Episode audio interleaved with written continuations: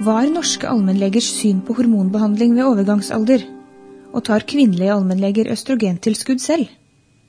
Velkommen til tidsskriftets podkast for nummer 11 2007.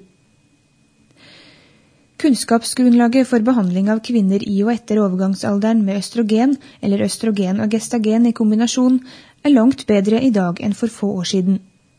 Tidligere har man trodd at østrogen hadde en gunstig effekt på risikoen for hjerte- og karsykdommer, men i 2002 viste nye studier at dette ikke stemte. Nå er det dessuten dokumentert risiko for flere bivirkninger. Men hormonbehandling har fortsatt en rekke fordeler, forklarer Bjørn Gjelsvik ved Institutt for allmenn- og samfunnsmedisin ved Universitetet i Oslo.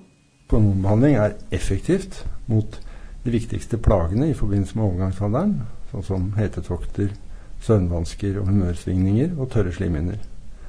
Det forebygger også beinskjørhet og tykktarmskreft. Men det forebygger altså ikke hjerte-karsykdommer, gir en økt risiko for brystkreft. Og hvis man ikke gir tillegg av gestagen til kvinner som har livmor i behold, så gir det også en økt risiko for livmorkreft. Det er også en økt risiko for blodpropp og hjerneslag og en del andre tilstander. Det høres jo ganske skummelt ut. Når bør det egentlig forskrives? Ja, det gjør det jo. Men den økte risikoen er liten for den enkelte kvinne. Men når man behandler veldig mange kvinner, så vil den samfunnsmessige effekten, eh, målt i antall brystkrefttilfeller f.eks., eh, som behandlingen gir, være ganske betydningsfull allikevel. Gjelsvik og to kolleger ønsket å finne ut om norske allmennleger er oppdatert på alt dette og hvilke holdninger de har til hormonbehandling. Svarene du fikk på spørreskjemaundersøkelsen, og som presenteres i en artikkel i tidsskriftet, tyder på at dette var et tema som engasjerte. De svarte gjennomgående veldig fullstendig. Altså, det var veldig få ubesvarte spørsmål. Og det var mange som ga egne kommentarer. slik at dette var nok et tema som mange måter traff allmennlegene. Eh, gjennomgående så, så er de eh, nøkterne i oppfatning av hormonenes virkninger, og de sier at den viktigste indikasjonen f.eks. er hetetokter. Eh, helt klart. Og de er også eh, godt oppdaterte når det gjelder oppfatning av bivirkninger generelt. Det er ca. 10% som fortsatt mente at det var, hadde. For en forebyggende effekt på hjerte-karsykdommer. Men det er allikevel et relativt lavt tall ja, de skal holde seg oppdatert på et veldig bredt felt. Men det viser vel at uh, anleggene generelt har ganske god kunnskap om virkninger og bivirkninger av behandlingen. Men de har jo svart på et spørreskjema i ro og mak. Hvor troverdig er det i forhold til muligheten for å se i fasiten, på en måte? Jeg tror det er ganske troverdig, fordi at allmennleger, sånn jeg kjenner dem, så, så, bruker man ikke tid på sånne spørreskjemaer. Har generelt ikke, ikke god tid. Sånn at jeg, jeg ville ikke brydd meg om å slå opp. Jeg ville bare svart fra hva jeg tenkte i øyeblikket, og det tror jeg de aller fleste gjør. Gjennomsnittsalderen for respondentene var 46 år, og 30% av dem var kvinner. Svarene fra de mannlige og de kvinnelige legene skilte seg noe fra hverandre. Ja, det er en liten forskjell. For så, vis, så, så, viste det jo at det var flere mannlige leger som antok at uh, behandling fortsatt for, virker forebyggende på hjerte-karsykdom enn kvinnelige. Det var en helt klar kjønnsforskjell på det. Og det ser også ut til at de mannlige legene behandler noe lengre enn de kvinnelige.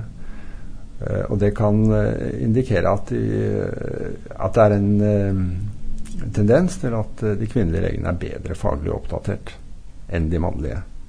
Men forskjellen er relativt liten. 10 av 17 kvinnelige allmennleger i eller etter overgangsalder oppga at de brukte hormoner. 41% av de yngre kvinnelige legene sa de kunne tenke seg å bruke hormoner når det blir aktuelt. I forbindelse med hvordan kvinnelige allmennleger oppfatter uh, hormoner, så er det interessant å se at en så stor andel av de kvinnelige allmennlegene i aktuell alder, altså postmenopausalt, bruker hormoner. Uh, I vår undersøkelse ca. 60 mens det i tilsvarende aldersgrupper blant kvinner i dag er par og 20 prosent, Slik at det er en betydelig forskjell. Det har hele tiden vært en sånn forskjell. Den var også til stede på 90-tallet, men den ser ut til å bestå, eller kanskje bli større. Altså at reduksjonen blant kvinnelige allmennlegene er mindre enn blant kvinner generelt. Hva betyr det? Det kan være flere ting. Men en viktig forskjell er jo at eh, leger generelt har et annet forhold til medikamentell behandling enn befolkningen generelt. De er mer vant til den, mer fortrolig med den, lettere tilgang på medisiner, og har kanskje færre motforestillinger mot å bruke det selv når de syns det er grunnlag for det. Og det andre at eh, de kvinnelige legene eh, lettere kanskje også oppfatter det slik at den individuelle økte risikoen er liten i forhold til den nytten de har av behandlingen.